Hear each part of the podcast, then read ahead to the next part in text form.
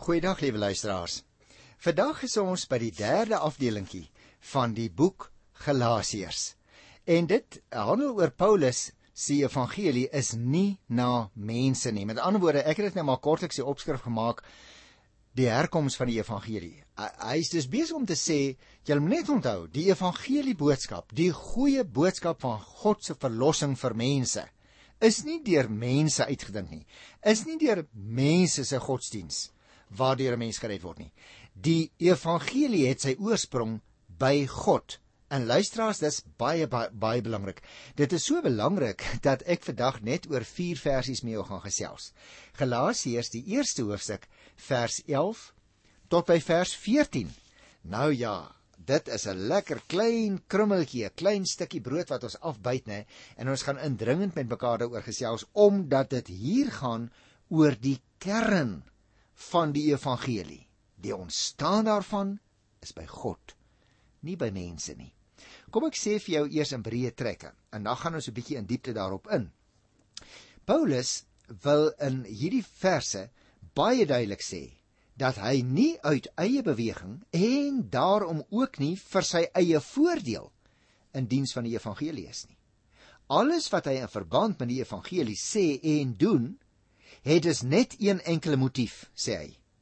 En dit is om getrou te wees aan die evangelie wat hy in 'n openbaring van Jesus Christus ontvang het.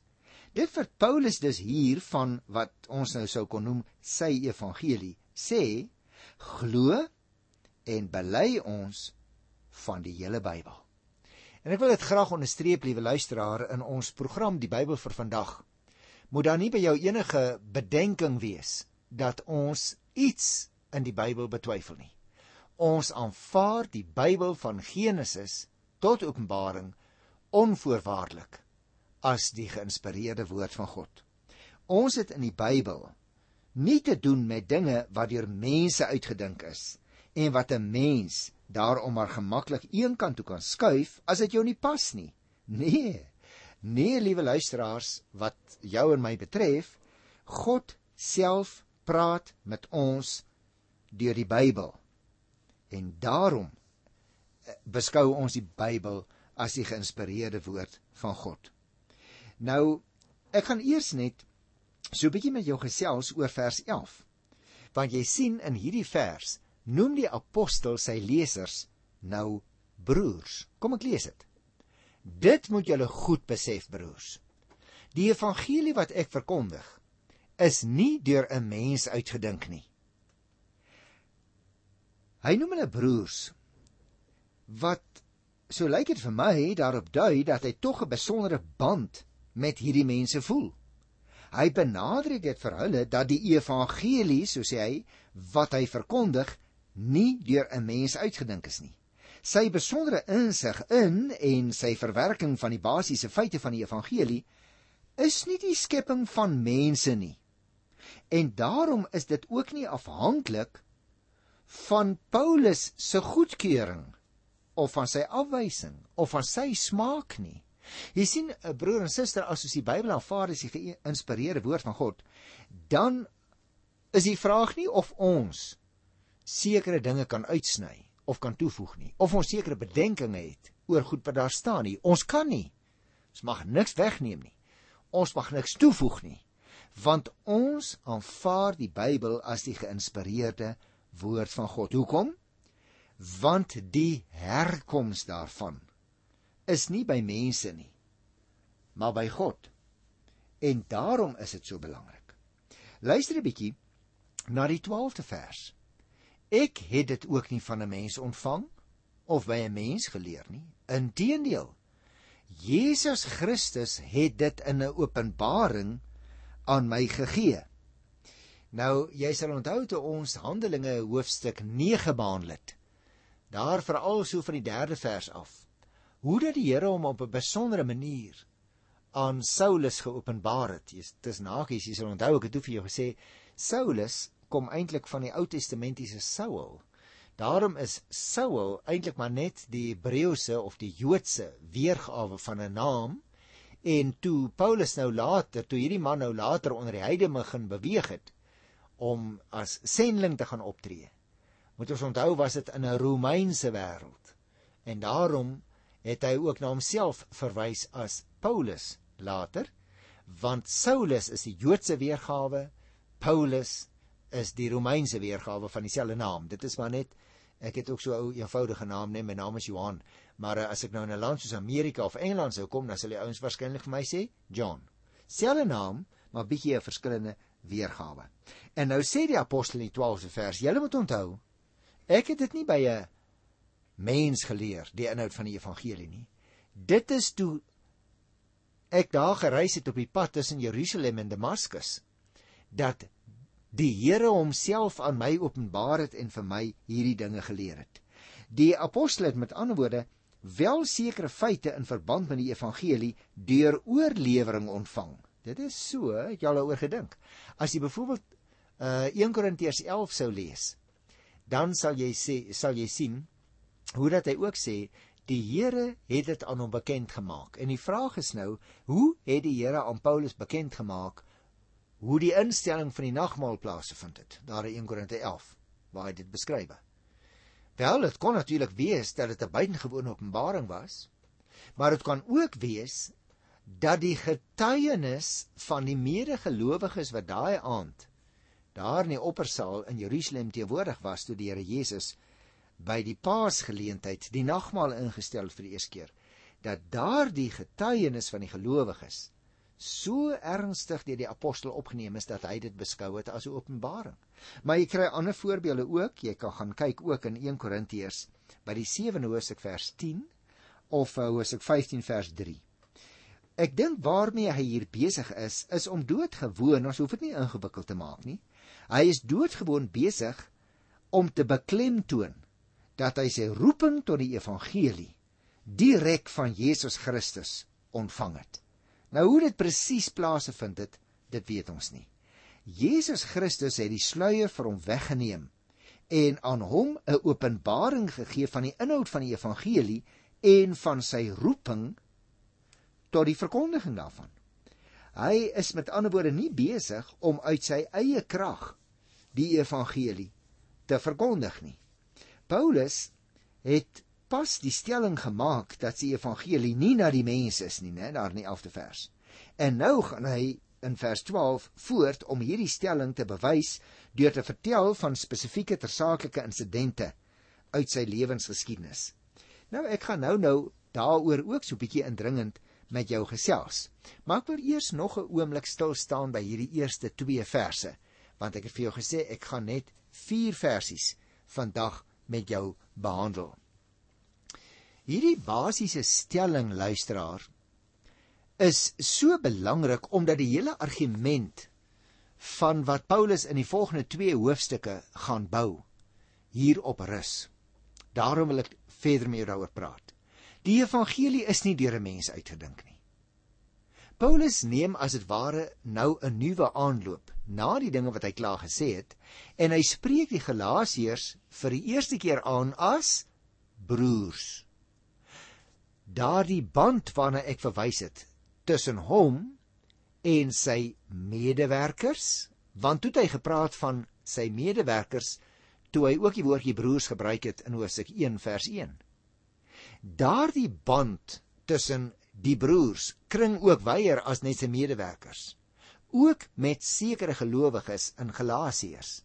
En daarom die woorde wat hy gebruik as hy sê dit moet julle goed besef of sal die ouer leser lesers onthou die 1933 vertaling sê ek maak julle bekend.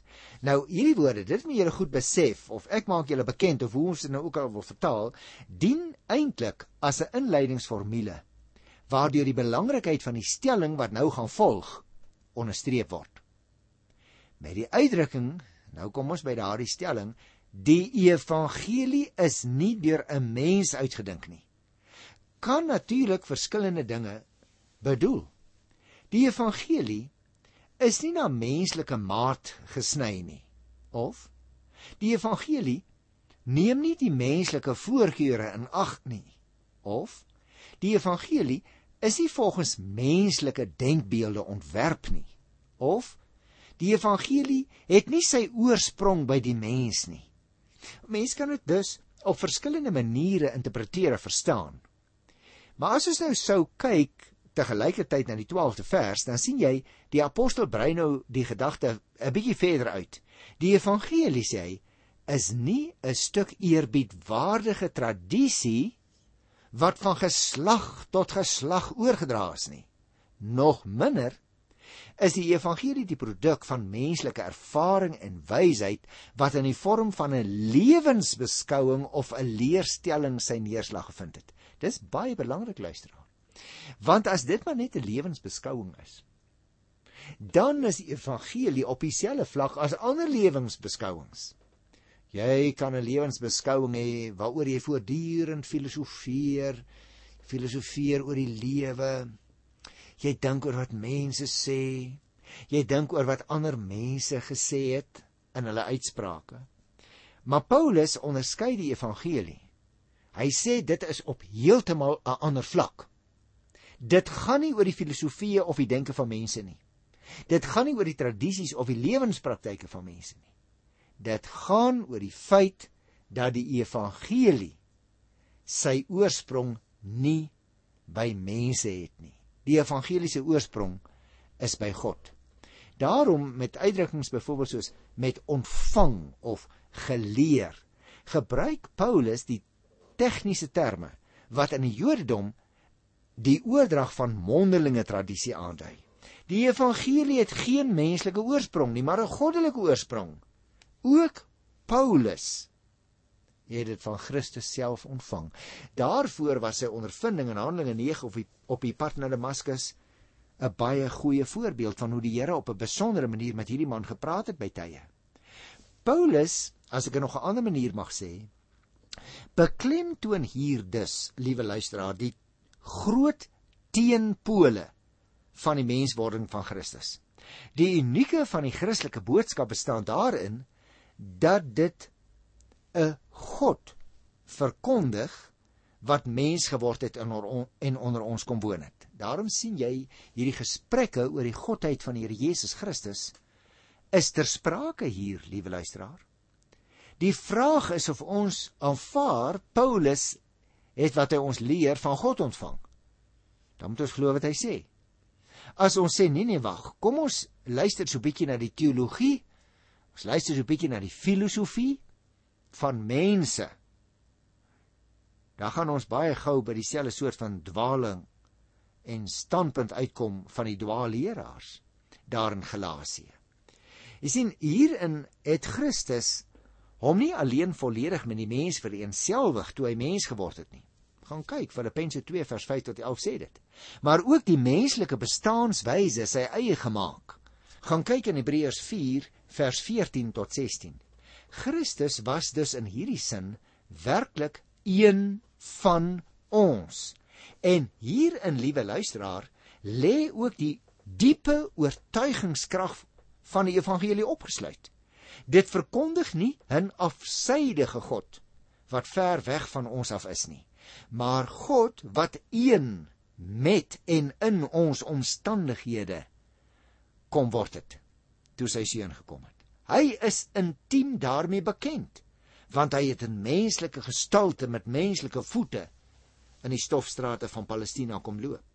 Maar juis, juis op hierdie punt luisteraar, kan 'n ernstige ontsporing plaasvind as ons Christus as een van ons, soos Paulus hom noem, verkeerdelik as een soos ons verstaan.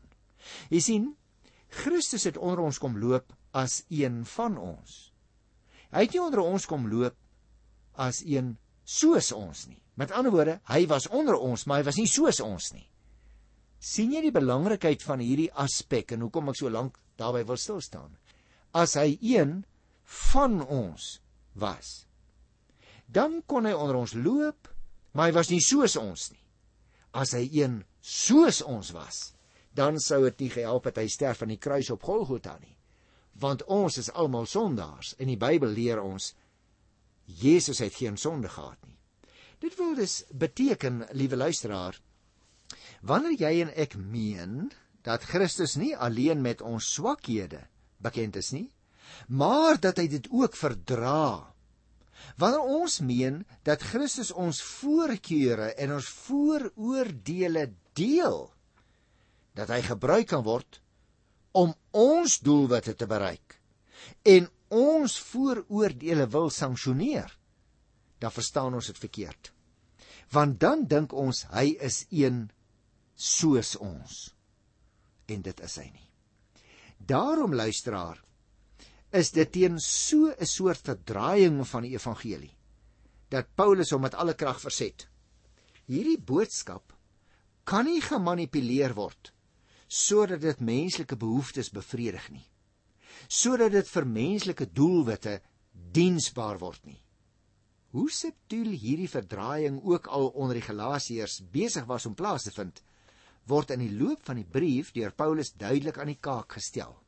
Ek gaan nog met jou indringend daaroor praat as ons by daardie aspekte kom.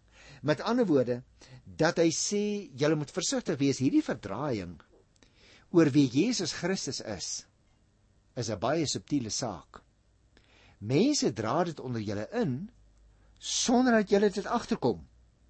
En daarom, liewe luisteraar, moet jy en ek so verskriklik versigtig wees vir dit wat in ons land gebeur in ons tyd. Mense wat die godheid van Christus ontken asof Christus gekom het as 'n mens soos ons. O, dis 'n groot gevaar. Kom ek kom by die tweede twee verse wat ek wil behandel vandag vers 13 en 14. Ek is nog steeds by Galasiërs 1 want dit gaan oor die belangrike belangrike saak van die herkoms van die evangelie. Kom ons lees eers uh net vers 13. Julle het immers gehoor van my optrede toe ek destyds nog 'n aanhanger van die Joodse geleer was. Ek het die kerk van God tot die uiterste vervolg en dit probeer uitroei Nou jy sien luisteraars, nou gaan die apostel begin om bewyse uit sy eie lewensgeskiedenis te haal. Maar wat wil hy daarmee doen? Hy gaan van sy eie agtergrond vertel ook in die volgende gedeeltes. Maar om vir ons te sê, ek kom uit 'n Joodse agtergrond. Die evangelie kom ook uit 'n Joodse agtergrond. Maar die evangelie is nie van die mens nie. Kom ek lees vers 14 want ek wil nog daaroor praat. En in die Joodse leer het ek onder my volksgenote bo baie van my leeftyd uitgestyg. Want ek was 'n fanatieke ywerhaar vir die oorgelewerde leer van my voorvaders. Jy sien, as ons dus vers 13 en 14 so bietjie saamvoeg en ons begin met mekaar daaroor gesels, dan sal jy onthou die tydperk voor Paulus se roeping kom hier te sprake. Paulus skryf oor hierdie tydperk van sy lewe om juis vir die gelowiges in Galasië te wys dat hy self die leer wat hy nou beveg nie net goed ken nie, maar 'n fanatieke ywerhaar daarvoor was. Hiermee wil hy dus vir ons wys dat hy die leer wat hy nou beveg van binne uit ken en selfs 'n groter voorstander daarvan was as wat die Judaïste nou is. So ommekeer kan net aan die ingryping van God toegeskryf word. Hy sê ek wil hê julle moet verstaan, my liewe broers, sekerlik my liewe susters ook, dat ek as 'n Jood ook gevoel het so sommige van julle. Daar was 'n tyd dat Joodse gebruike vir my van belang was. Daarom het ek die Christene vervolg maar dit was 'n radikale ingryping van my van God in my eie lewe dat ek besef het ek is besig om die wet te onderhou maar Christus het die wet kom vervul. Sy lesers moet daarom bekend wees met sy lewe. Daarom verwys hy daarna. En ook van sy optrede voor sy bekering. Hulle kon dit moontlik van homself of van 'n ander gehoor het. O ja dit is seker. Maar hy wil hê en daarom skryf hy dit vir hulle pertinent dat hy destyds nog 'n aanhanger van die Joodse leer was. Dit wil sê, daardie godsdiens waarin Jode deur strenge onderhouding van die Ou Testamentiese wette en die oorleweringe hulle self as God se volk beskou. Dit is vandag nog so, liewe luisteraar. Dit berus op oorlewering. Maar die rol van Jesus en dit wat hy kom doen in die wêreld word bloot as historiese gebeure beskou en nie as heilsgebeure. Paulus sê dus dat die kerk van God tot die uiterste vervolg het. Hiermee gee hy natuurlik aan die kerk van die Nuwe Testament die Ou Testamentiese eretitel wat hy voor sy bekering daaraan ontsê het. In die in daai tyd toe hy die kerk vervolg het as 'n Jood, wou hy nie die Christene as die uitvloeisel as die mense wat volgens die beloftes van die Ou Testament tot Christus bekeerd geraak het. Hy wou dit nie aanvaar nie. Die gelowiges in die Nuwe Testament is eintlik maar die voorsetting van Israel as die uitverkore volk van God. Maar dan, soos wat hy dit ook in die boek Galasiërs gaan noem in Hosea 6 vers 16, as die ware Israel. Ons is die ware Israel. En ek sê dit sagter luisteraar omdat ek nie wil hê ons moet onsself daaroor ver, verhef nie. Ons is nie belangriker nie. Ons staan as dit ware op die skouers van die Ou Testamentiese profete wat gesê het van die profeet wat uit Nasaret gaan kom, van die Messias wat gaan kom. Paulus se sonde lê daarin dat hy hulle wat aan God behoort vervolg het. Daarom dat hy die 14de vers vir ons sê naas die vervolging van die gelowiges het ek myself ook met groot ywer toegelê op die bestudering van en die toewyding aan die Joodse leer en lewenswyse. Hy sê ek was 'n fanatieke yweraar vir die oorgelewerde leer van die voorvaders. Dit wil sê vir die wetsvertolking deur groot rabbies soos wat dit mondeling oorgedra is van geslag tot geslag. Hy sê en ek het deur die genade van die Here tot die insig gekom. Dit was 'n fout. Wonderlik dat dit kan erken. Met ander woorde, en dit wil ek net uh, ten slotte as 'n samevatting gee. As hardnekkige vervolger van die kerk was Paulus dus 'n uiters onwaarskynlike kandidaat om deur die evangelie bereik te word.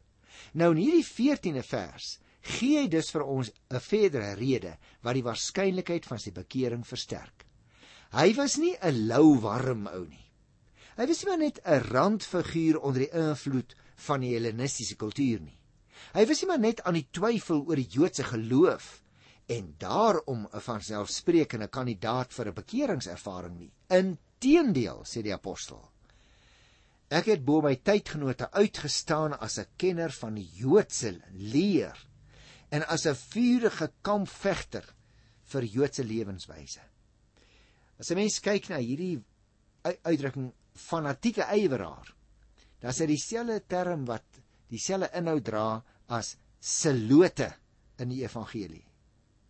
In die evangelie skryf jy die woord selote soms. Dit uh, is 'n woord wat uh, letterlik vertaal kan word met yweraar.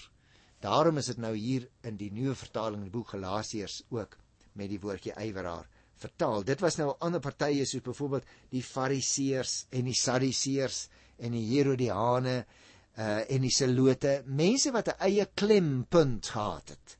O ja, hulle was Jode, hulle was so lou, warm Jode, maar hulle was byvoorbeeld uh baie baie fanaties oor hulle afkoms, soos die Selote weet luisteraar uh, 'n seloot in die tyd van die Nuwe Testament het 'n uh, steekdolk, 'n steekmes onder sy kleed gedra. Nie in die eerste plek vir sy godsdienstige oortuiginge nie, maar veral vanweë sy nasionalistiese beskouinge. Nou Paulus sê so was ek godsdienstig. Ek was absolute yweraar, maar verkeerdelik. Soos die selote daardie sterk nasionalistiese groep ten doel gehad het om die Romeinse oorheersing oor die Jode van hulle af te werp want dit was vir hulle juk. Hy sê so het ek fanaties opgetree vir my godsdiens.